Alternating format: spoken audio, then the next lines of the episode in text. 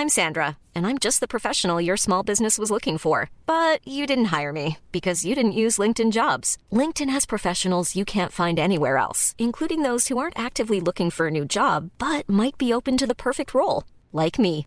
In a given month, over 70% of LinkedIn users don't visit other leading job sites. So if you're not looking on LinkedIn, you'll miss out on great candidates like Sandra. Start hiring professionals like a professional. Post your free job on linkedin.com/people today. Millions of people have lost weight with personalized plans from Noom, like Evan, who can't stand salads and still lost 50 pounds. Salads, generally, for most people, are the easy button, right? For me, that wasn't an option. I never really was a salad guy. That's just not who I am. But Noom worked for me. Get your personalized plan today at Noom.com. Real Noom user compensated to provide their story. In four weeks, the typical Noom user can expect to lose one to two pounds per week. Individual results may vary.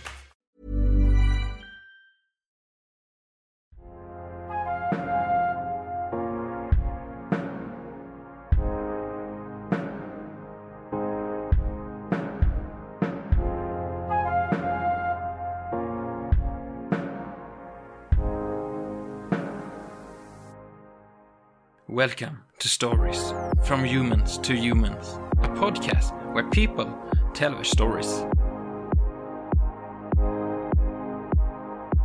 I dagens avsnitt ska jag få ta del av en berättelse om hur musiken kan vara en stor räddning i livet och vad som händer när den försvinner från en och man tappar gnistan och därmed börjar en ny resa mot att hitta sig själv. Vi får följa med på bland annat tågluffande genom Europa, att hitta kärleken och att finna tillbaka till musiken. Men nu får ta och slå dig ner, njuta av denna berättelse i lugn och ro och så säger vi varmt välkommen Viktor. Tack så jättemycket. Viktor, innan vi börjar skulle jag vilja veta var kan man följa dig på sociala medier och liknande plattformar? Eh, Man kan följa mig på Instagram och där heter jag Viktor Wahlstedt med W-A-H-L S-T-E-D-T. Ehm, Och man kan följa mitt band Carry the Torch Official tror jag vi heter. Om jag inte minns fel. Ehm, Men bandet heter Carry the Torch så det är bara att söka på det så hittar man oss där. Ehm, Ja, det är ju de två plattformarna och sen på Facebook såklart. om det. Härligt. Men då Viktor, låt oss gå tillbaka till när din berättelse börjar. Ja. Eh, jo, jag är ju Viktor heter jag då.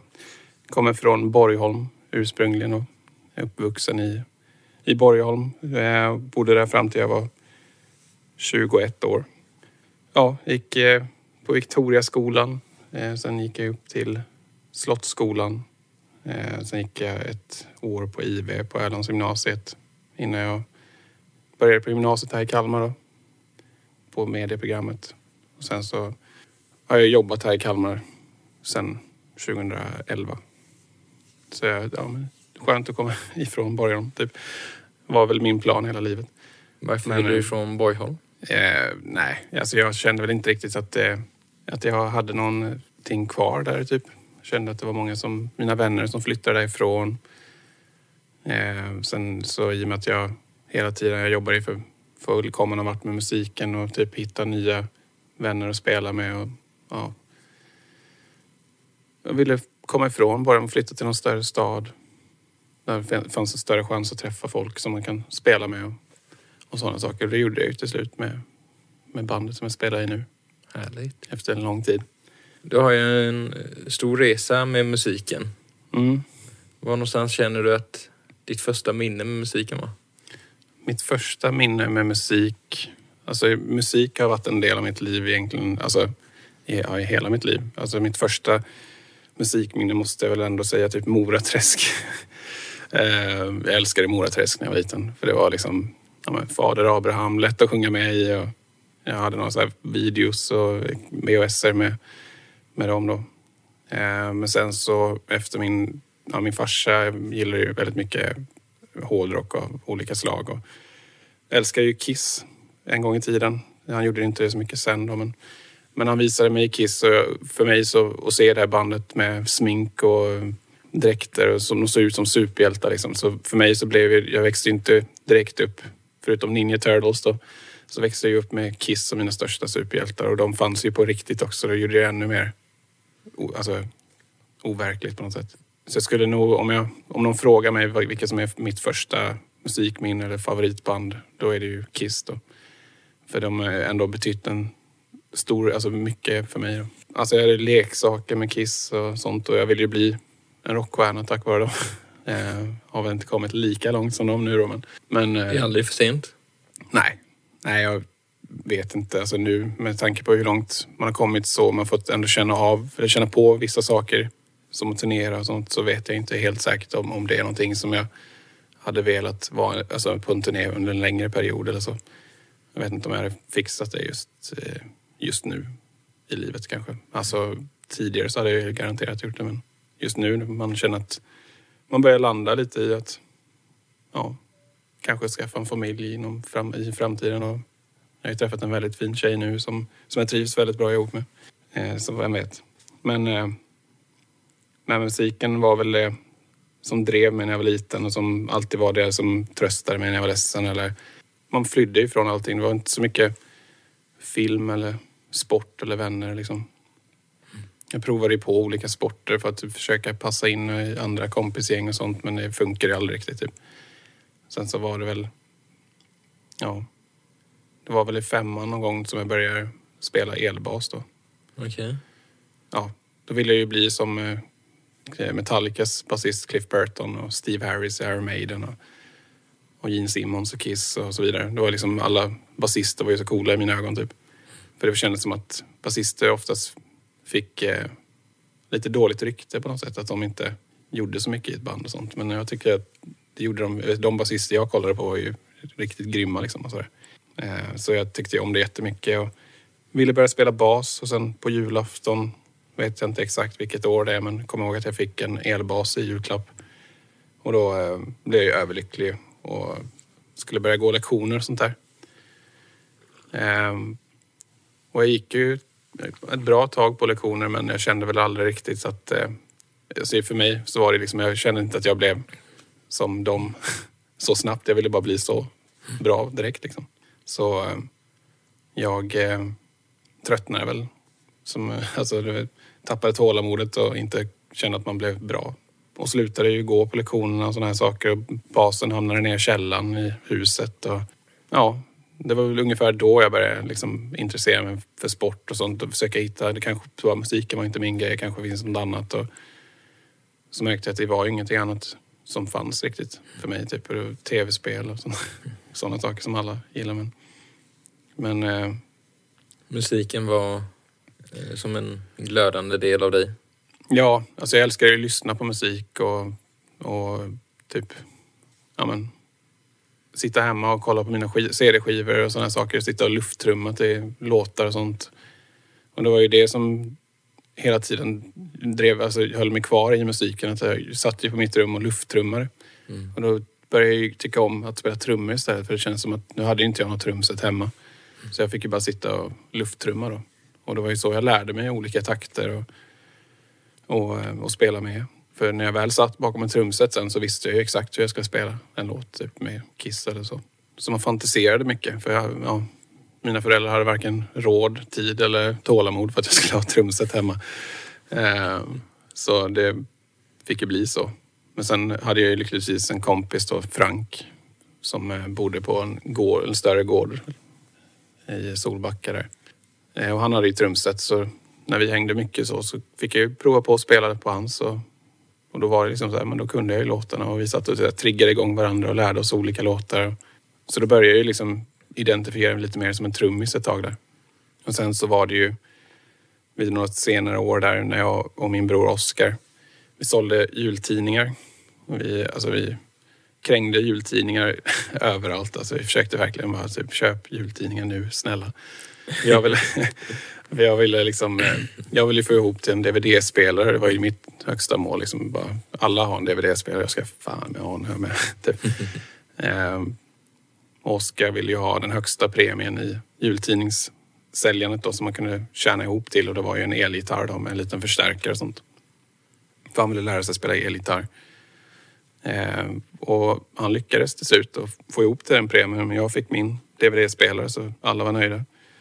Och sen började Oskar spela gitarr och blev ju ganska duktig rätt fort. Liksom började gå lite lektioner och pappa visade honom lite ackord hemma. Och, ehm, och ja, så blev det liksom så här, fick jag tillbaka intresset för att spela något stränginstrument jag med eftersom jag hade spelat bas. Oskar visade mig lite ackord och sådana saker, typ hur man spelade I was made for loving you med Kiss på en sträng. Typ. Man bara wow, coolt. Ehm, så Oskar var ju den som egentligen typ fick mig att plocka upp stränginstrument igen och lärde mig spela gitarr. Och sen så hade jag en kompis, Sebastian eh, Abarke, som är en av mina närmsta vänner i livet. Och han, han visade mig liksom, han började ju också spela gitarr och sådär och visade mig hur man läser tablaturer. Och det är ett sätt, istället för att läsa noter så kan man läsa tablaturer som är lite mer, ja, det visar exakt hur man ska spela då. Är det typ som Guitar Hero-aktigt med att man ser watt på strängarna man ska göra? Ja, men lite så. Det är alltså, som till exempel en nolla i, på en... Det är ju som, man ser alla sex mm. strängar. Så en nolla betyder att det är öppen sträng och sen tvåa på översta strängen till exempel. Eller så. Alltså man håller på andra bandet. Och mm. På så sätt så kunde man liksom urskilja liksom vart ungefär jag skulle hålla och vilket ackord det var och sådana saker. Ja, på så vis så lärde jag mig väldigt många låtar med så här band och, ja, som jag gillar. Liksom. Och då när jag började lära mig gitarr lite mer, eftersom det är sex strängar, så fick jag ju liksom, då plockade jag upp min elbas från källan igen. Och där är fyra strängar. Och då spelar man oftast bara på en sträng i taget. Och då bara, men det här är ju, alltså jag, det här är ju enkelt liksom. Mm. Så jag är på sätt och vis självlärd i alla instrumenten. Förutom att ja, men Oskar visar mig lite ackord och, och Sebbe lärde mig läsa tablaturer och sådana saker. Så på sätt och vis så så har man ju liksom lärt upp varandra men till stor del är man ju självlärd på de instrumenten. Men eh, det var ju på så sätt som jag plockade upp basen igen och började plinka på den och Frank körde ju trummor. Och jag hade inget trumset men eftersom jag hade en bas som förstärkare så började han och jag lira i, i eh, hans större lada då. Och då körde vi typ Green Day och allt möjligt liksom. Eh, Skrämde upp alla hästarna där ute. Helt rätt. och eh, ja, det var, var en härlig tid ändå på så sätt. Vad härligt. Mm. Och måste varit underbart att ha någon i familjen att spela med också. Ja, jo. också en liten pina. Typ Oskar är ju, alltså, han är ju extremt duktig på, på gitarr. Han har alltid varit bättre än mig på gitarr. Det kommer han alltid vara. Men eh, men det, har, det har varit väldigt värdefullt för att man har ju liksom, vi har lärt oss av, utav varandra. Vi har spelat i samma band ett tag också. Och även Melker då, ihop med oss. Och ehm. Melker är yngre bror? Ja, min yngre bror Melker. Trummis. En av de bästa trummisarna jag någonsin har spelat med faktiskt. Han är skitgrym på det. Nej men Oskar och jag, vi, vi började liksom hitta på låtar tillsammans ett tag och sen spela massa covers och Ibland bråkar vi om vem som skulle spela gitarr. Vems tur det var. Nej, men det, det är mycket. Alltså det, vi är väl lite... Vi kommer ju från en musikfamilj på så sätt. Att vi har ju haft det intresset gemensamt. Melke kom in lite senare i det, men, men han har ju ändå växt upp med oss så att han till slut, förr eller senare, så kom han in i det eh, och började intressera sig själv. Och även våra alltså, gemensamma kompisar som Jocke Andersson och så började ju spela också gitarr. Han blev också snabbt skitbra. Jag har alltid känt mig, lite, jag är medioker gitarrist. Jag är inte så här, jag kan inte spela gitarrsolon. Jag har försökt flera gånger men jag känner typ det. Jag tycker inte, för först jag tycker jag inte gitarrsolon är så roligt att lyssna på. Och sen så, så känner jag typ jag orkar inte. alltså jag, jag tycker det, jag är mer, jag lyssnar mer på melodier typ. Så min, jag, i det jag spelar i bandet så blir det mycket att jag kör mycket rytm och melodier. Eh, ja, det är det jag huvudsakligen inriktar mig på. Ja, jag har alltid förstått mig på att eh, du ska vara en väldigt musikalisk individ. Mm. Är det nästan... Är det så att du hör nästan hur det ska låta i huvudet? Eh, ja, det gör jag faktiskt i, i, väldigt ofta. Om man tänker... Nu skriver jag ju mycket metal och sånt. Eller det har blivit mycket metal i, i större delen av mitt liv eftersom det, alla mina vänner har lyssnat på metal, jag har liksom metal och så har man bara hängt med sånt folk liksom. Så det är väl bara det jag har att relatera till. Men det har ju blivit många gånger som man kan gå och tänka på, ja men tänka ut ett riff typ. Man kan få ett riff i huvudet som man bara tänker, det här, fan det låter skitbra typ. Så har man ingen gitarr i närheten och då försöker man nynna det på telefonen och liksom försöka komma ihåg det på något sätt. Och sen går man hem och plockar ut det på gitarren. Så det händer ju ganska ofta att man hittar melodier som, eh, som bara dyker upp i huvudet. Och det kan ju vara från olika tillfällen. Man kan stå och vänta på bussen och bara komma på någonting eller ja, på muggen eller liksom whatever. Men eh, ja, det, det händer väldigt ofta. Eh, och nu har jag ju i, sen jag ska jag skaffade en dator nu i, i januari då, som har inspelningsprogram och sådana saker som jag har velat ha ett tag. För att det blir förenklade saker när man ska spela, om jag kommer på ett visst riff eller någonting och vill testa någonting som ska ligga på det riffet och liksom sen, ja men, testa olika saker så är det mycket enklare att spela in allting så man får en större ljudbild av hur man vill att låten ska bli. Typ. Så jag är, nu har jag börjat skriva låtar som inte är metal alls. Liksom bara mer indie, pop, rock som jag vanligtvis lyssnar på. För jag lyssnar inte så mycket på metal längre. Jag tycker det är tröttsamt när man spelar ett metal. Bara, bara går runt och lyssnar på skrik och massa hårda gitarrer typ.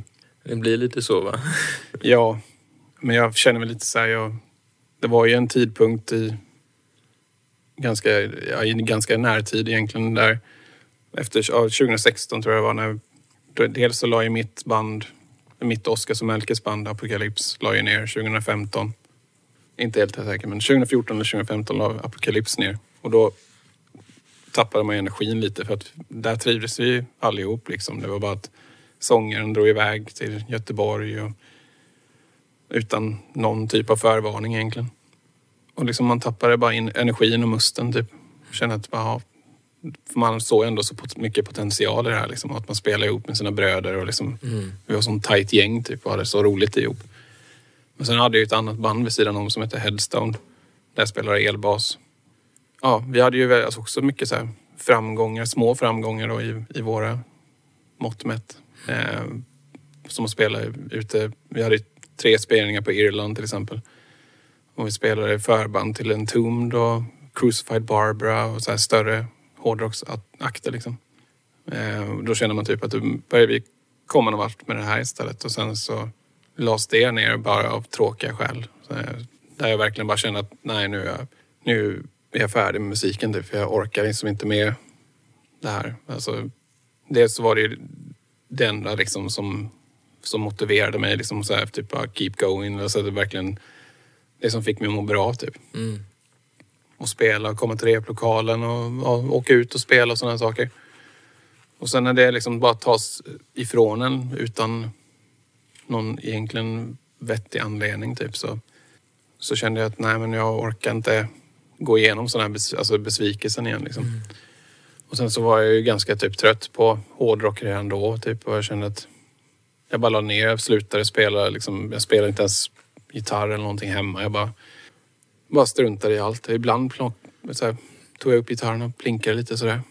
Men man, ja, det var ju typ då jag började gå in i någon typ av depression. Alltså en värre depression. Sådär.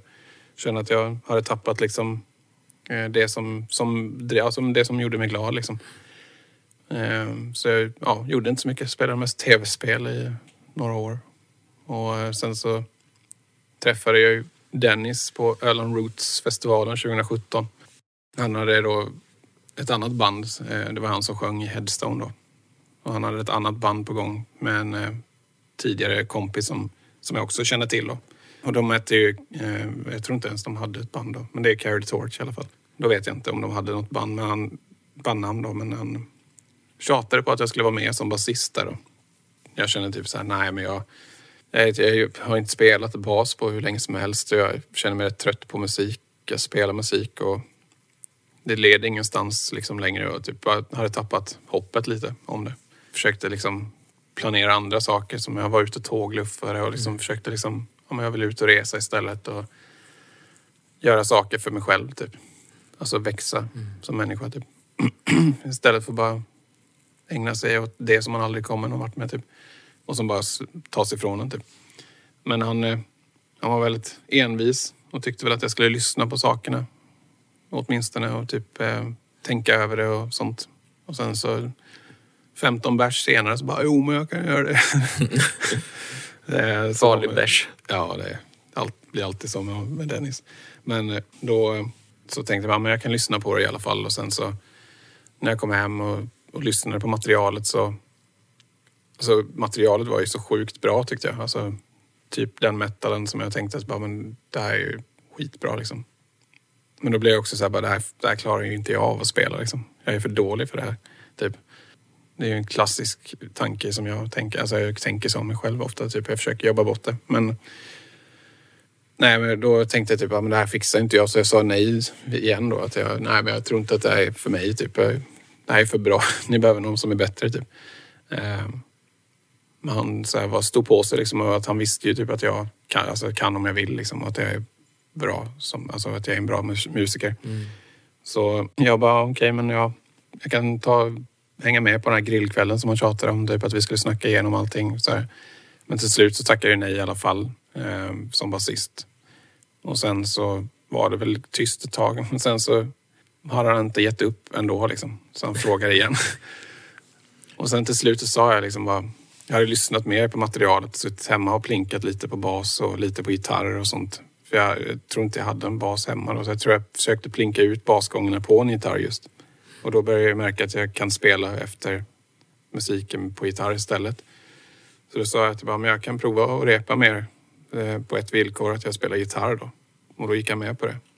De blev typ nästan gladare. För att, eh, och sen så typ första repet så kunde jag ju två utav låtarna typ. Och då, eh, jag, glöm, alltså, jag tror inte jag kommer glömma den dagen just för att då, då hade jag liksom inte spelat eller repat på hur länge som helst. Den känslan när man ställde sig i replokalen ihop med Björn, Dennis och Filip och sen mig då. Så när man drog igång och började spela typ. Alltså jag kommer ihåg att jag hade världens största leende typ. Det bara, kändes bara så jävla bra igen. Och typ känna den här eh, gemenskapen i, i repan typ. Ja, känna trycket. Det var kul jag känner ju fortfarande eh, att vi, det är väldigt roligt för nu går det ju väldigt bra för oss. Liksom med en skiva ute och, och en andra skiva på väg nu som vi är klara med inspelningen på. Det är bara sång som ska på.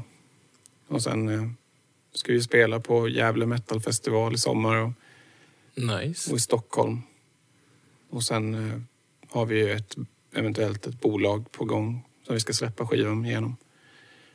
Det är ju Så grymt. det börjar hända saker och, och det bolaget kommer väl troligtvis generera mer spelningar och eventuellt turnéer.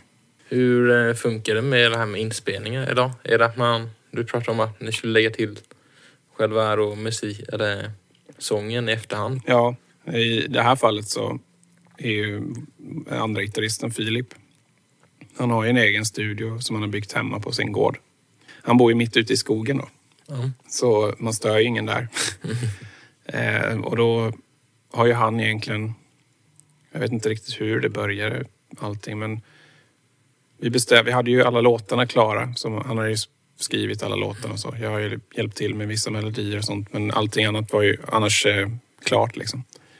Så jag skulle egentligen bara lära mig alla låtarna. Så jag satt, satt hemma och plinkade ut dem bara på gehör. Liksom. Jag hade ingenting att läsa eller inget sånt. Utan jag bara lyssnade och plockade ut allting. Och bara det är ju eh, svårt. Men det är roligt också. Och sen när vi hade liksom strukturerat upp allting i låtarna och så, när vi visste hur, hur det skulle vara, så bokade ju vi en studio i Mörbylånga där vi spelade in Björns trummor. Och då mickade vi upp allting själva. Mm. Eller Filip och Björn mickade upp allting och eh, spelar in alla trummorna i, på, under en helg typ. Och sen så hade väl Filip börjat eh, lägga lite gitarrer och sånt, små fix hemma. Och sen så, så åkte jag upp i... Jag åkte först upp till honom eh, i augusti förra året och spelade in mina gitarrer då. Och då gjorde jag det under en helg. Eh, han hann väl klart nästan alla låtar. Och sen så, så insåg vi att vi kommer behöva en helg till och då åkte jag upp dit i november förra året igen och spelade in resten. Ja, då blev jag klar med allting och då började det liksom så här ta form. Och sen så har han haft tid hemma och sitta och spela in eh, sina gitarrer och, och solon och melodier. Och eh, bas så har ju han spelat in också. Så allt sånt är ju klart. Men eh, sen är det ju sång. Det är Dennis som skriker, sjunger, kallar det vad man vill. Det är han som ska lägga på oss då och sen så ska jag skrika lite med. Jag tänkte fråga om det för att eh, jag vet ju faktiskt att du har en bra sångröst. Menar du en vanlig sångröst röst eller skrikröst? Både och. Ja. Jag har hört dig göra båda. Så... Ja, jag ser mig inte själv som någon jättebra sångare så, men alltså jag, jag kan ju sjunga. Jag kan sjunga lite grann kanske. Jag vet inte. Jag Ja. tror att du kan bättre än vad du tror. Ja, kanske. Jag, kan, jag tror jag kan mycket, många saker bättre än vad jag tror, men jag tänker inte, alltså jag har lite ja, problem med mina tankar. Då. Ja, eh, starkt rekommenderat. Jag tycker att eh, du borde testa sjunga lite mer. Ja, ja men det, det är faktiskt lite tanken med, med det här som jag nämnde innan med det är mitt projekt som inte är metal. Typ. Där jag har gjort hittills typ en och en halv låt. Ja. Den ena låten skrev jag, jag började skriva den i januari och där är ju tanken att jag ska sjunga troligtvis på svenska då. Och den är jag väldigt nöjd med för den är ju väldigt så här, typ, ja, men lite lågmäld men samtidigt eh, liten feel låt typ. På ett sätt. Och sen så har jag en låt som jag påbörjade ganska nyligen efter att jag träffade min nuvarande tjej. Eh, som, ja, det gav mig väldigt mycket inspiration. Typ att, alltså jag var ju så alltså, överlycklig typ när jag träff, efter att jag träffat henne. För hon, ja, jag har aldrig känt att det funkat så bra ihop med någon som, mm som, jag, som jag gjorde efter att jag träffade henne första gången. Liksom. Och det brukar inte kännas så bra efter att jag träffade en person första gången. Så det, men då fick jag alltså väldigt mycket så här, typ, ja, men glädjekänslor som jag ville uttrycka. Och mitt sätt att uttrycka det på är ju genom att skriva alltså melodier. Och då kom jag på en, en dänga som jag tror kan bli bra. Har hon fått höra det än? Ja, jag har visat henne lite av det. Vad säger hon om att... Nej, hon tycker det är bra. Jag tror hon kanske har svårt, alltså, svårt att ta in att det, att det kommer från, från alltså känslor, känslan typ, som jag fick efter. Jag vet inte. Alltså, hon tycker det är väldigt bra. Hon tycker jag är duktig på, på typ allt. Ibland så när jag sitter hemma och spelar gitarr, när hon är där, så kan jag bara se att hon sitter och tittar på mig typ som att hon, hon tycker väl att det är trevligt att se mig spela. Och då blir jag generad och slutar spela. så, ja. Det är då du fortsätter. Ja. Jo, men hon, hon, är, hon är väldigt snäll och fin. Jag är jätteglad för din skull. Ett litet side-note där då. Hur träffar du henne? Ja, det är som alla andra. Det känns som alltså, typ, Tinder. Det var ju Tinder. Men, eh, och det var ju så oväntat egentligen. Typ, för jag var inte direkt... Jag, vet, jag visste inte egentligen vad jag var ute efter. Jag var ganska tydlig med det sk- i min biografi. Typ, så skrev att bara, men känns det rätt så kanske det kan bli något mer. Men annars så är jag liksom bara ute efter ha någon att snacka med eller träffas på en fika eller en ny vän eller whatever. Men sen så skrev jag ganska så tydligt vem...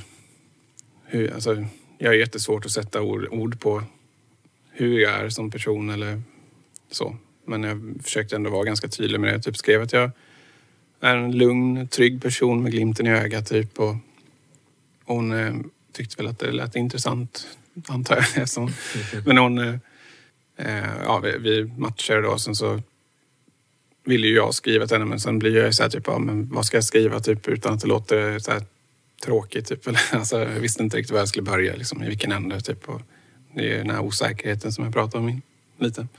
Men till slut så skrev hon till mig och, och frågade om, eh, för jag har ju skrivit att jag ska vandra på Öland och sånt. Så nu måste jag ju faktiskt göra det. Nej men det vill jag faktiskt göra. Men eh, hon, eh, ja, jag kände liksom att det, alltså, när vi skrev med varandra så bara flöt det på hela vägen, alltså hela tiden typ. Kändes aldrig som att man hade något, att det tog slut.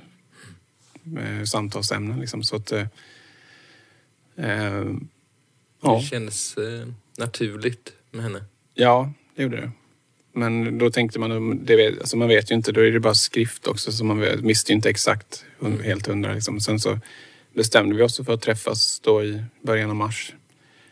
Eh, så gick vi ut och spelade shuffleboard och tog några drinkar på Locos och sen Sen bara, alltså vi kände typ att vi hade ju väldigt roligt ihop och sånt. Och det kändes bara bra och naturligt. Det känns inte liksom framtvingat på något sätt. Liksom att det, jag kunde ju vara mig själv med henne och hon kunde vara sig själv med mig. Och så har det ju flytit på hela, med hela vägen nu. Liksom att man inte känt sig konstig. Alltså hon har ju aldrig fått mig att känna mig konstig eller liksom att jag behöver ändra på mig själv eller liksom sånt. Det känns bara befriande typ. Så ja, det, det känns bra just nu. Det måste, ska jag säga. Jag måste säga det att eh, det är just den känslan som du beskriver som jag tycker man ska leta efter man ska leta efter någonting med kärlekslivet. Det inser man ju nu när man, när man har träffat henne som, som, eh, som jag inser liksom det, det jag aldrig någonsin har känt innan. Det är ju den här trygg, alltså tryggheten ihop med sin partner och att man är bekväm och att man eh, skrattar mycket ihop liksom och sådana saker. Att det inte känns liksom, alltså man ger förslag på att hitta på saker, liksom att man, man kompromissar för varandra. Och, mm. liksom intressen som jag har som hon kanske inte delar riktigt men att hon ändå eh, ja, intresserar sig för dem oavsett liksom. Och jag gör ju likadant tillbaka liksom. Men vi har, alltså mestadels har vi väldigt mycket gemensamt och många intressen, samma typ av humor till viss del. Jag har väl lite barnsligare humor ibland. är det typiskt oss män? Ja, typiskt min familj också. Men eh, ja det, ja, det känns lite overkligt också. Men eh, ja, man tar en dag i taget och försöker bara njuta av nuet. Jag är jätteglad för din skull. Ja, jag är väldigt glad för min skull också faktiskt, måste jag säga. För det har varit så... Ja, alltså det har varit så mycket trubbel i mitt liv. Alltså som har gjort så här, man blivit... Som har liksom satt sin prägel liksom. Mm. Eh, och det här året så... Alltså det skumma är ju liksom att i, i, vid nyårsafton så la jag ut en bild på min Instagram där jag skrev typ eh, New year, new me, eller? eh, så här ironiskt. Så jag känner typ så här, men det kommer bli samma gamla visa det här året också. Typ. Det som har hänt i år, liksom, det är liksom bara skyrocketed. Typ. Och man känner ju typ att ja, nu stressar man lite över det och börjar så nästan må dåligt inom situationstecken. Eh, över att det går för bra typ. Att man går och väntar på att det ska hända någonting. Men sen det här året så har jag fått en ny tjänst på mitt jobb. There's never been a faster or easier way to start your weight loss journey than with PlushCare. PlushCare accepts most insurance plans and gives you online access to board-certified physicians who can prescribe FDA-approved weight loss medications like Wigovi and Zepbound for those who qualify. Take charge of your health and speak with a board-certified physician about a weight loss plan that's right for you. Get started today at plushcare.com slash weight loss. That's plushcare.com slash weight loss. plushcare.com slash weight loss. Hiring for your small business? If you're not looking for professionals on LinkedIn, you're looking in the wrong place. That's like looking for your car keys in a fish tank. LinkedIn helps you hire professionals you can't find anywhere else, even those who aren't actively searching for a new job but might be open to the perfect role. In a given month, over 70% of LinkedIn users don't even visit other leading job sites. So start looking in the right place. With LinkedIn, you can hire professionals like a professional. Post your free job on linkedin.com slash people today. Millions of people have lost weight with personalized plans from Noom. Like Evan, who can't stand salads and still lost 50 pounds. Salads generally for most people are the easy button, right? For me, that wasn't an option. I never really was a salad guy. That's just not who I am. But Noom worked for me. Get your personalized plan today at Noom.com. Real Noom user compensated to provide their story. In four weeks, the typical Noom user can expect to lose one to two pounds per week. Individual results may vary. Hey, it's Paige DeSorbo from Giggly Squad. High quality fashion without the price tag? Say hello to Quince. I'm snagging high end essentials like cozy cashmere sweaters, sleek leather jackets, fine jewelry, and so much more. With Quince being 50 to 80% less than similar brands and they partner with factories that prioritize safe ethical and responsible manufacturing. I love that. Luxury quality within reach. Go to quince.com slash style to get free shipping and 365 day returns on your next order. quince.com slash style. Börjat med mitt körkort som jag har skjutit upp i så sjukt många år för att jag trott eller tänkt att jag inte klarar av det och typ att jag inte orkar och det har liksom inte blivit av på något sätt. Och sen så har jag träffat Klara då som hon heter. Och eh, insett liksom vad som är värt i, i ett förhållande. Så hon har ju fått mig att inse vad som är viktigt i ett förhållande och, och vad som är värt i det. Eh, och, och gör mig väldigt lycklig. Men det viktiga är ju att jag ska göra mig själv, alltså vara lycklig i mig själv också. Och det är ju det stor, väldigt stor del. Och det här året har ju verkligen vänt på steken liksom. Och det känns som att det går åt rätt håll. Typ. Man blir lite nervös på grund av det. Typ att jag blir orolig eller får oroskänslor på grund av det. Att det går för bra typ. Och det är lite typiskt mig att jag kan aldrig låta mig själv njuta och jag måste alltid ha någonting att oroa mig över. Då när jag inte ens behöver det. Jag måste ju rekommendera att nu när du är i en sån bra fas i livet. Mm. Utsätt dig för personlighetsutveckling. Ja. Finns... Jo, jag försöker jobba på det nu faktiskt.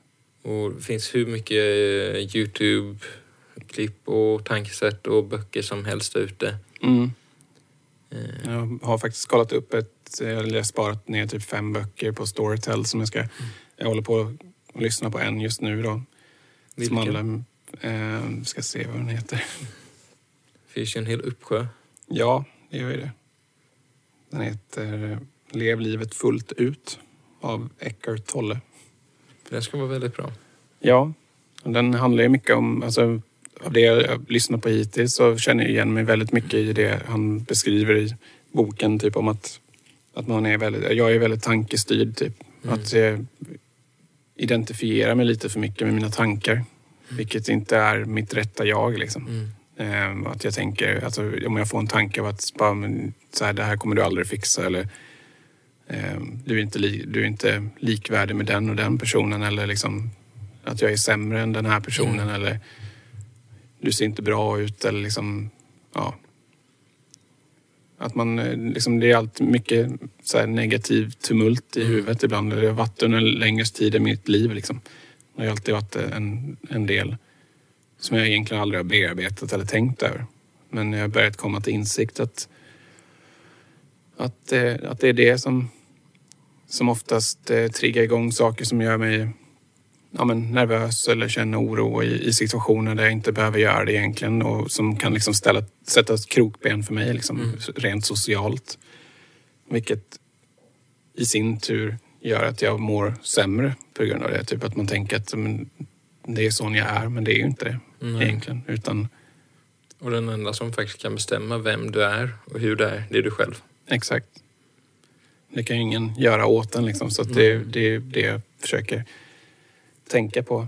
Men eh, där är jag också väldigt glad och tacksam över, över Klara då. Att man, vi är väldigt, jag känner ju att jag kan prata med henne om precis allting och att hon förstår liksom, och lyssnar och sånt. Och, liksom, och jag vet att hon uppskattar att jag har nära till mina känslor, att jag kan prata om saker när jag tycker att någonting är jobbigt eller så. så att, där är det också att vi, man får liksom ett slags stöd därigenom som jag är otroligt tacksam över. Så att det känns också väldigt bra.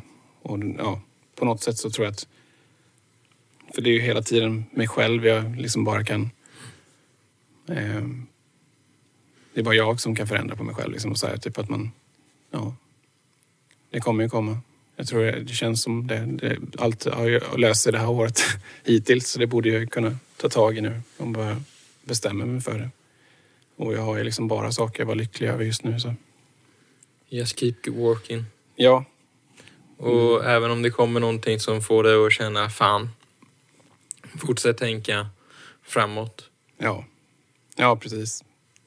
Jag det... har två bra tips. Eh, som jag eh, blev tipsad om en gång i tiden. Mm. Det var boken The Secret. Mm. Och även eh, då en av världens kändaste personlutvecklare, Tommy Robins. Ja. Eh, kolla upp det. Det är riktigt bra saker. Det ska jag kolla upp. Hjälper till i tankegången en del. Ja. Även de tuffare perioderna. Ja, ja men det kan vara skönt att bara lyssna på på olika, alltså andra som, det är, det är ju en stor del av den här podden som du mm. har. Att man lyssnar på andras berättelser och man känner att man inte är ensam med saker och ting. Liksom att det, det här är inte så ovanligt som man tror. Nej, ingenting är ju det. Nej. Och jag tror mycket av det som jag, som jag eh, anledningen till att jag är som jag är med mina tankar. Att, att de styr mig på något sätt. Hur, mitt mående och sådana saker. Det tror jag kommer från ja, men att jag hade en väldigt otrygg uppväxt framför allt. Vad var det som kändes otryggt? Vet det? Ehm, nej, men det, det är väl så många olika faktorer som jag har ju förträngt mycket av min barndom. Men sen har ju mamma berättat och lite sådär typ och återberättat saker som jag bara oj, det hade jag ingen minne av liksom. Men, eh, ja, men dels att jag, jag var ju retad i skolan till Alltså jag hade ju kompisar i skolan och sånt men sen var jag ju retad för att jag hade långt hår eller hade på mig, eh, ja men typ som Kiss bandet då, Kiss. Att jag hade t-shirtar med dem och folk tyckte att jag lyssnade på skrikmusik men då hade de ju uppenbarligen inte hört Kiss. Ja, sen i- ja, hemma, situationen hemma var ju inte så bra heller. Liksom min farsa, det är ingen ursäkt egentligen men han hade ju också, han har ju haft problem med ångest och ja, aggressionsproblem framförallt. Så det gick ut över mig. Och sen eh, morsan över- till viss del också. Liksom. Och sen så ja, separerade ju de en gång och sen så separerade de en andra gång. Och sen min farmor dog. Och det tog ju mig väldigt hårt för hon var min bästa vän. Typ. Eller jag gick hem till henne i första hand istället för att gå hem för att jag inte trivdes att vara hemma. För man visste aldrig vilket humör farsan skulle vara på ja, när farsan stack andra gången då, när han flyttade till Oskarshamn så var ju min mamma helt knäckt liksom och låg och grät på nätterna och var nere i källaren och tog sönder saker som var hans. Och, och det gjorde att jag som storebror, eller vad man säger, jag, fick ju, eller jag gick ju ner ofta och ja, tröstade mamma och försökte liksom eller jag, man var ju orolig för henne, liksom, hennes välmående. För hon skrek att hon inte orkade mer. Och, och orkade liksom inte med smärtan antar jag. Men jag kopplade det som att hon inte orkar att leva typ. Då blev man ju rädd och och 14 liksom. Så då fick jag ju ta hand om henne och man var ju inte direkt pigg i skolan dagen efter. Och man var ju orolig i skolan hela tiden för att hur mår mamma och vad gör pappa? Och, ja, mycket bara oro liksom. Ingen trygghet alls när man tänker efter på, när jag tänker tillbaka på det. Min trygghet i så fall var väl Ja, men, ja, Oskar och Melker har ju alltid varit mina, mina bästa vänner. Liksom. Och det kommer de alltid vara. Det, det är väl de som har varit min trygghet genom hela, hela min uppväxt egentligen. Och det var väl det jobbigaste med att flytta hemifrån till slut. Att flytta ifrån Oskar och Melker. Och, och inte se dem varje dag. Liksom. Och sen allt som när farsan stack till slut och för gott, om man säger. När han stack, flyttade iväg typ. Om man inte behövde bo under samma tak med honom. Då började det bli bättre för att jag kände att men då, då fanns det ju en trygghet hemma liksom i att man behövde inte gå på tå runt honom liksom och vara orolig för vilket humör han skulle vara på. Och jag, ja, det var liksom... Jag är en ganska känslosam person har jag fått höra från farsan. Han säger det som att det vore en negativ sak nästan ibland. Jag måste bara säga det till dig att det är raka motsatsen. Ja. Jo, det, det har jag insett också. Eh, till viss del. Men sen så... Jag tycker det är skönt att gråta ibland liksom och, så och jag har väl ganska lätt för att gråta på det sättet. Men ibland är det bara svårt att det kommer ut. Typ, och oftast kommer det när jag... Om jag har druckit eller någonting. Och om man börjar prata eller babbla liksom för mycket. Och bubblar över liksom. Och det, är- då, då mår jag ännu sämre på bakfyllan sen för att det känns så här typ... Ja, eh, då känner man sig ganska blottad typ. Eller någonting, jag vet inte. Det känns bara... Det, kän, det känns inte som... Det är inte en äkta, äkta känsla. Man fick inte ut någonting utav det riktigt så På så sätt. Men ja. Nej men det, det har varit mycket sånt... Eh, en sån oro tror jag som har gjort att man har den här... Eh, dels att jag får den här oroskänslan i kroppen. Typ att det triggar igång hur jag börjar tänka om mig själv. Typ för att min... Ja, min farsa kunde ju vara ganska nedlåtande mot mig i min uppväxt. Typ och säga att jag... Om att jag var för tjock eller att mina fötter växte för fort så han behövde köpa nya skor. Eller ja... Ehm, ja, allting var en kostnadsfråga typ känns som. Eller att man, ja. Ehm, jag vet inte om det är det som kanske så att har gjort att man börjar så tänka negativt om sig själv i, i många situationer. Jag tycker ju att jag, annars så tycker jag att jag är en, en bra person. Jag är typ omtänksam, vet jag att jag är. Att jag är trygg på sätt och vis. Eller jag kan ge trygghet kanske. Men jag känner mig inte så trygg inombords kanske alltid. Ehm, ja, och att jag är snäll och sånt har jag fått höra. Ehm, ja, och lugn. Ja, jag kan ju säga att det finns ju inget ont i dig. Nej. Nej. Alltså, eller... Ja, nej, jag tror nej. Jag blir ju inte arg utan anledning kanske. Förutom när jag spelar tv-spel och tappar tålamodet kanske. Men äh, vänta, jag skulle inte säga att jag... Jag har inga liksom så här eh, aggressioner typ. Lyckligtvis så har jag inte det. Utan det är mest bara ja, oro och typ den här biten som, är, som jag försöker nu liksom jobba bort. Och det är väl de här... Ganska vanligt tror jag. Det är det. Och det är väl sånt som jag inte har bearbetat riktigt i- mitt, alltså under min 20-årsålder. Då, var man bara, då ville jag ju bara ut och spela och festa och glömma allting.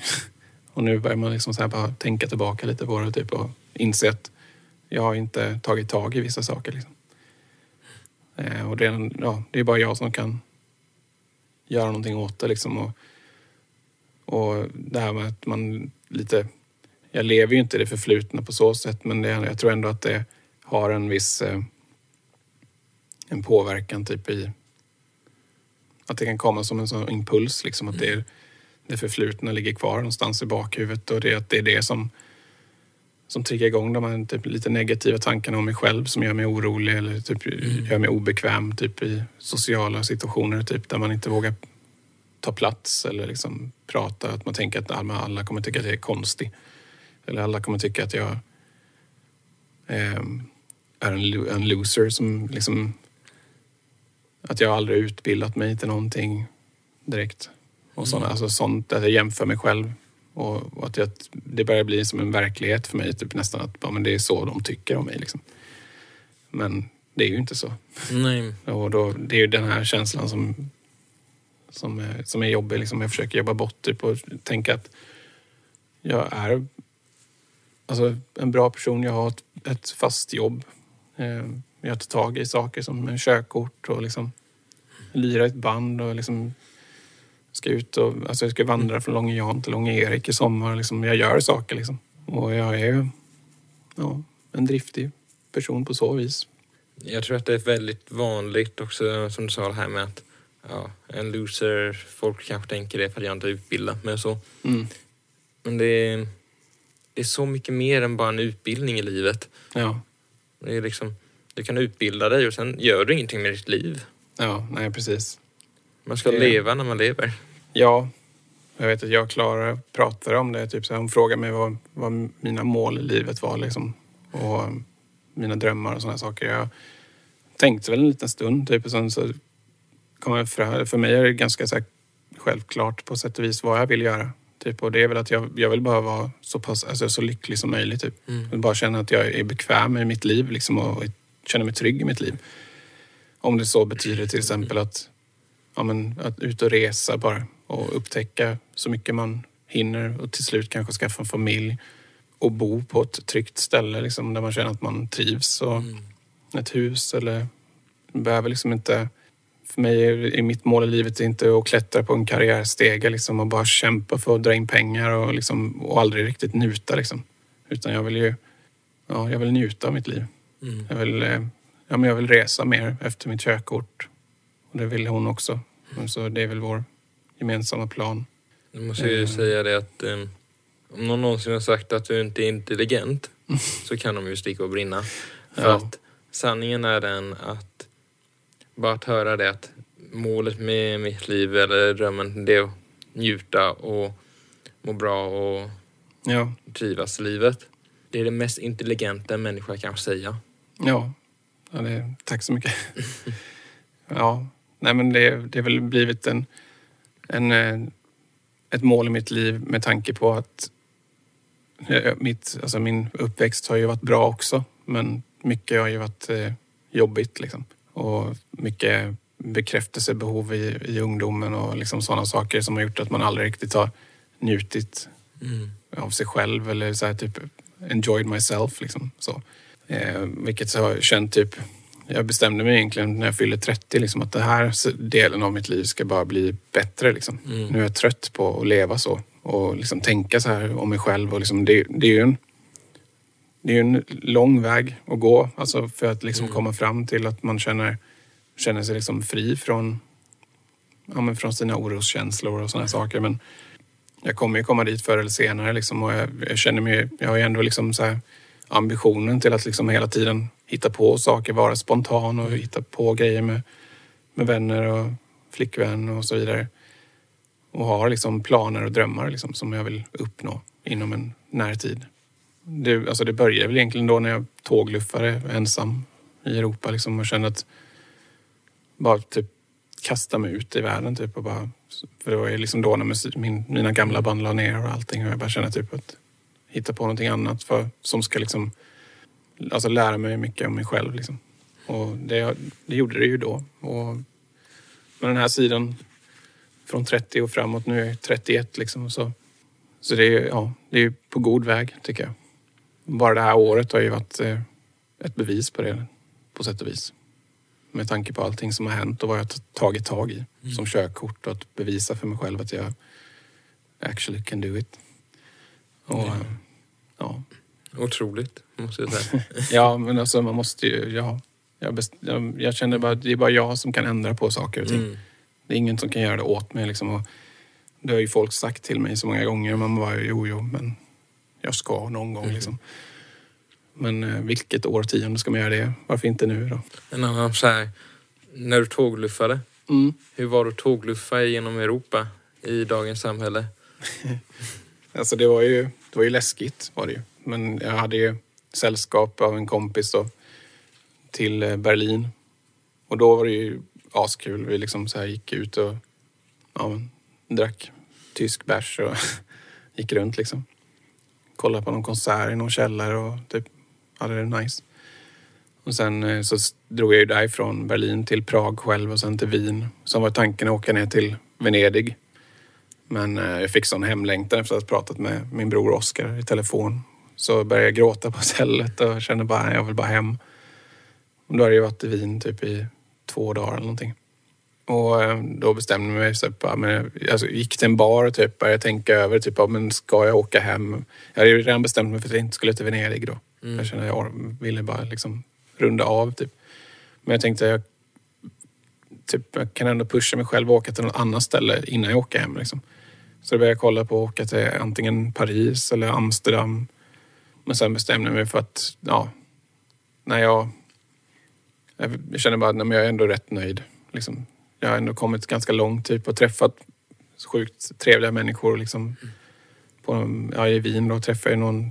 Jag satt helt själv där och drack bärs. Så var det någon, någon tjej och någon kille där som satt vid ett bord bredvid typ, som, som frågade var jag var ifrån och typ, att de tyckte jag såg ut som en långhårig Ryan Reynolds. Man bara, ja, okej.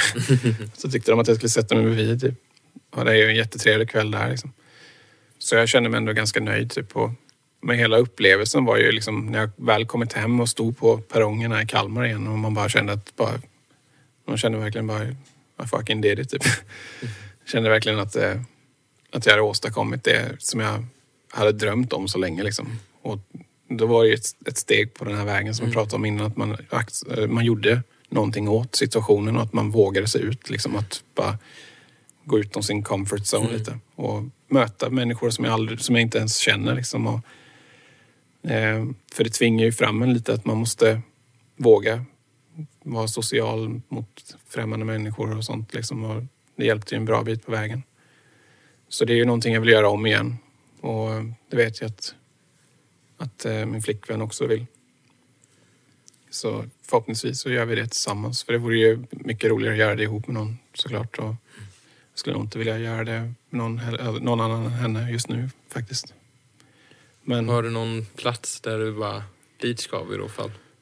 hon älskar ju Amsterdam. Mm. Och jag har inte varit i Amsterdam men jag har velat åka dit. Så dit vill jag ju. Eh, För det verkar nice. Och bara åka de här båtturerna i kanalerna och typ, ja men väldigt, alltså det är ju lite som Köpenhamn. Jag älskar ju Köpenhamn typ och mycket så här fina hus och sånt. Men sen så skulle vi nog vilja åka typ ner till Paris. Där inte jag, varken hon eller jag har varit i Frankrike. Och sen kanske Spanien. Alltså den vändan. Och sen så kanske man kan åka typ... Man kan åka vart man vill, det är väl det som är poängen. Typ. Det är lite så här, man tar det som det kommer. Mm. Lite. Ehm, för, ja, man behöver inte planera allting direkt utan man kan säga att vi börjar där. För vi åker till Amsterdam sen kan vi ju se lite vart vi vill. Man kollar upp lite så. Det är det som är det fina med tågluffa, typ att man kan hoppa på tåg och se var man hamnar. Är det dyrt att tågluffa? Ja, jag fick ju spara. Ja, jag sparade ihop kanske runt 25 000 som jag skulle leva på. Liksom. Och sen kostade det ett interrail-kort typ. Jag kommer inte ihåg exakt, men typ runt 5 000 eller någonting. Och ett interrail är... Interrail är ju att du köper typ ett... Men det är som ett... ett eh, det är som en tågbiljett, alltså ett, ett pass typ som, som du får ju skriva upp vilka resor du gör och sådana saker i där. Eh, sen är det ju vissa bolag som du inte kan åka med då, tågbolag. Men, eh, men det, man får ju en lista med de som man kan åka med och, och det är ju liksom jättemånga man kan åka med. Så det är ju alltså, det är, du köper en, en möjlighet för att kunna resa med tåg lite vart du vill. Mm. Och det är ju det är ju väldigt fint att bara sitta på ett tåg och kolla ut genom fönstret. Förutom då när jag skulle åka från Berlin till Prag för då satt vi på ett tåg utan AC och det var liksom, satt i en kupé och typ, jag har nog aldrig svettats så mycket i hela mitt liv tror jag. Ja, det var hemskt men sen kom vi fram till Prag och då var det bra igen. Närmsta baren som bara typ köpte två bärs, en som bara svalka med mig och en som att dricka. Vad härligt. Mm. Vad tror du eh, händer härnäst i livet nu då? Ja, jag försöker inte planera så långt fram men det, i, det jag ser fram emot just nu är väl härnäst i livet så ska vi ju, vi ska spela i Stockholm med Carry the Torch på klubb Fredagsmangel i Jakobsberg. Och det ska bli kul som attan. Eh, sen så ska vi spela i Gävle på Gävle Metal Festival och jag har aldrig någonsin spelat på, jag tror inte i alla fall, nej, jag alltså en sån riktig festival. Och där kommer vi spela med band som vi som är anledningen till att vi ens spelar musik idag. Liksom, sådana som jag har sett upp till.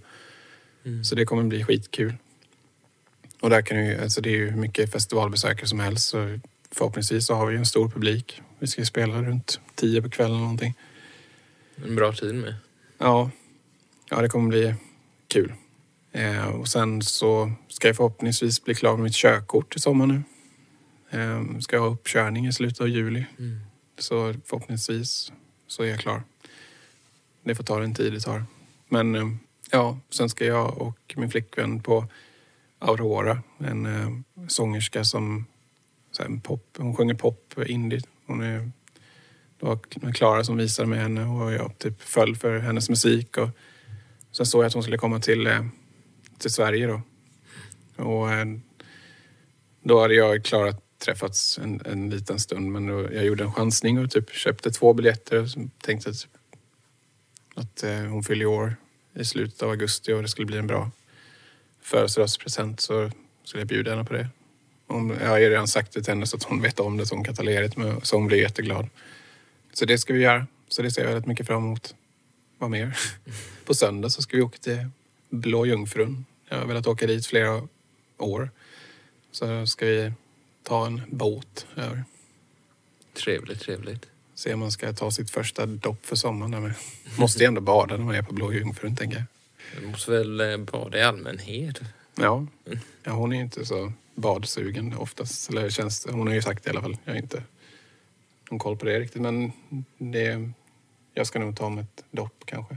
Får se, det beror på hur badkruka man är. Om inte annat så mot slutet av sommaren så eh, har det varit lite mareld här i Kalmartrakterna mot slutet. Ja.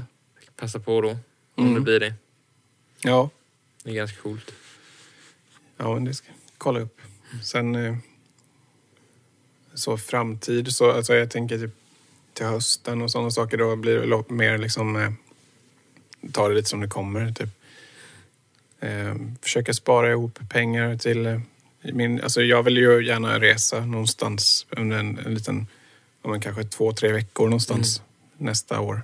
Efter allt, eh, alla pengar man lagt på körkort och så nu. Så vill jag nog spara ihop till någon längre resa och förhoppningsvis med med Klara. Tycker ni gör helt rätt i. Ja. Och det är skitkul. Finns så mycket att se där ute. Ja, vi var i Köpenhamn för inte så länge sedan. Då fick man ju mer smak. Där vi, där, vi var där över dagen bara. Vi hade ju så sjukt roligt. Och eh, typ det sista vi gjorde var att åka cykeltaxi från Nyhamn till Köpenhamns tågstation. Typ. Och det var, det var en ride som man inte kommer glömma. Men eh, det var, det var roligt. Måste säga att eh, du har ändå haft ganska mycket som hänt i ditt liv. Ja, Det här med en tuff uppväxt som du inte riktigt har tänkt på innan. mm. Sen eh, musiken som har betytt mycket under hela resan. ja, Som du också tappade ett tag. Ja, hitta tillbaka och nu då jobba på dig själv. mm. Tjejen. Lovande framtid. Ja, det känns så faktiskt. Det är väl det som skrämmer mig lite, typ att det går för bra. Så man liksom så här... Jag vet inte. Men eh, ja, jag, känns verkligen... Det känns verkligen bra just nu. Jag säger bara shit will happen but Ja. life will go on. Exakt. Det är ju så. Man får bara ta en dag i taget och leva, alltså njuta av nuet typ. Och det är väl... Alltså jag är överens med det med mig själv och Klara också liksom. Och vi, vi båda har ju sett lite samma tankesätt när det gäller framtid och drömmar och, och sådana saker. Så det ser jag bara som en så här positiv sak. Så får man se vart, vad det leder till. Men, men ja, nej, jag kommer bara... Eh, ja, jag kommer bara ta en dag i taget. Och, och nu, just nu fokuserar jag bara på ja, se fram emot semester och sådana saker. Och göra allt det här som jag ska göra i sommar. Eh, ja, som vandringen då. Det är också ett fokusmoment som jag försöker lägga mycket tid på. Jag gjorde en testvandring nu i- början av maj. Från, gick från Mörbylånga till Glömminge. Tre mil. Eh, då var man ju helt död. Men då gick jag ju i ett svep också. Jag, jag pausade bara två gånger på typ så här 20 minuter. Så överansträngde mig kanske lite väl mycket. Men, men tanken är att jag ska gå från Ottenby till Byxel, ja, Långe Erik då.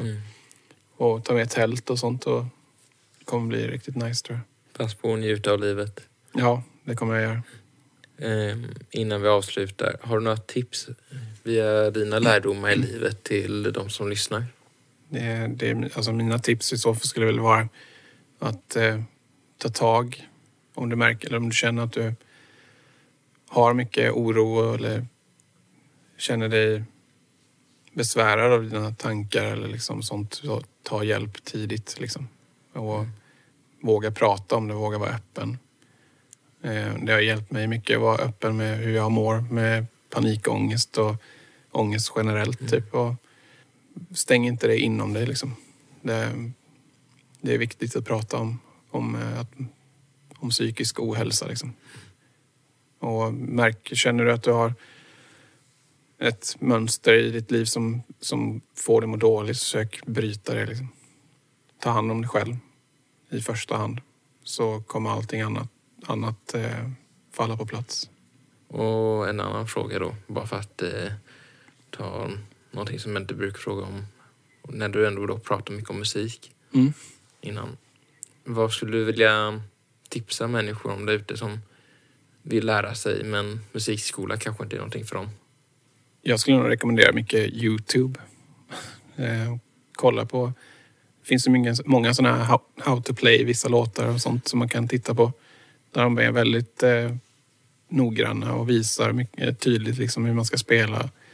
Det blir ju lite som en musikskola men då, behöver du, då kan du ju ta den tid du behöver. Så det skulle jag rekommendera.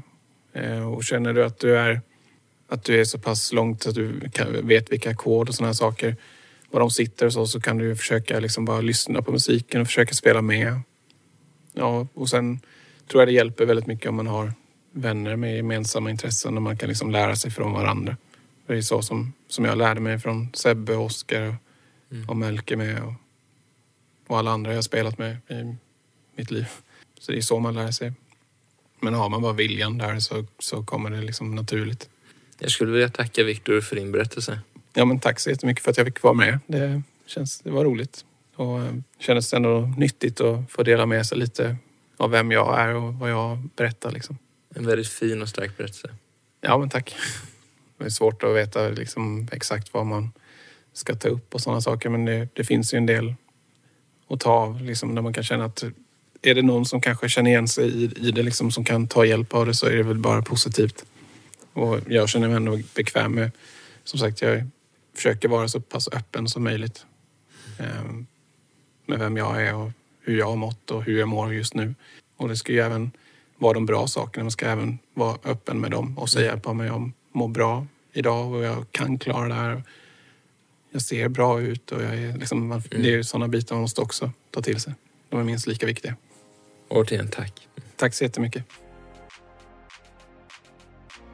I nästa veckas avsnitt ska vi ta del av ännu en berättelse om musik. Men denna gången från en helt annan vinkel. Vi får ta del av och lära sig spela unika instrument och att bygga instrument från grunden. Detta ger en unik inblick i hur en vanlig människa kan uppnå sina drömmar, även om de är unika i sig själva. Men nu släpper vi detta, så får vi säga till och ha en fantastisk vecka, så hörs vi nästa vecka igen.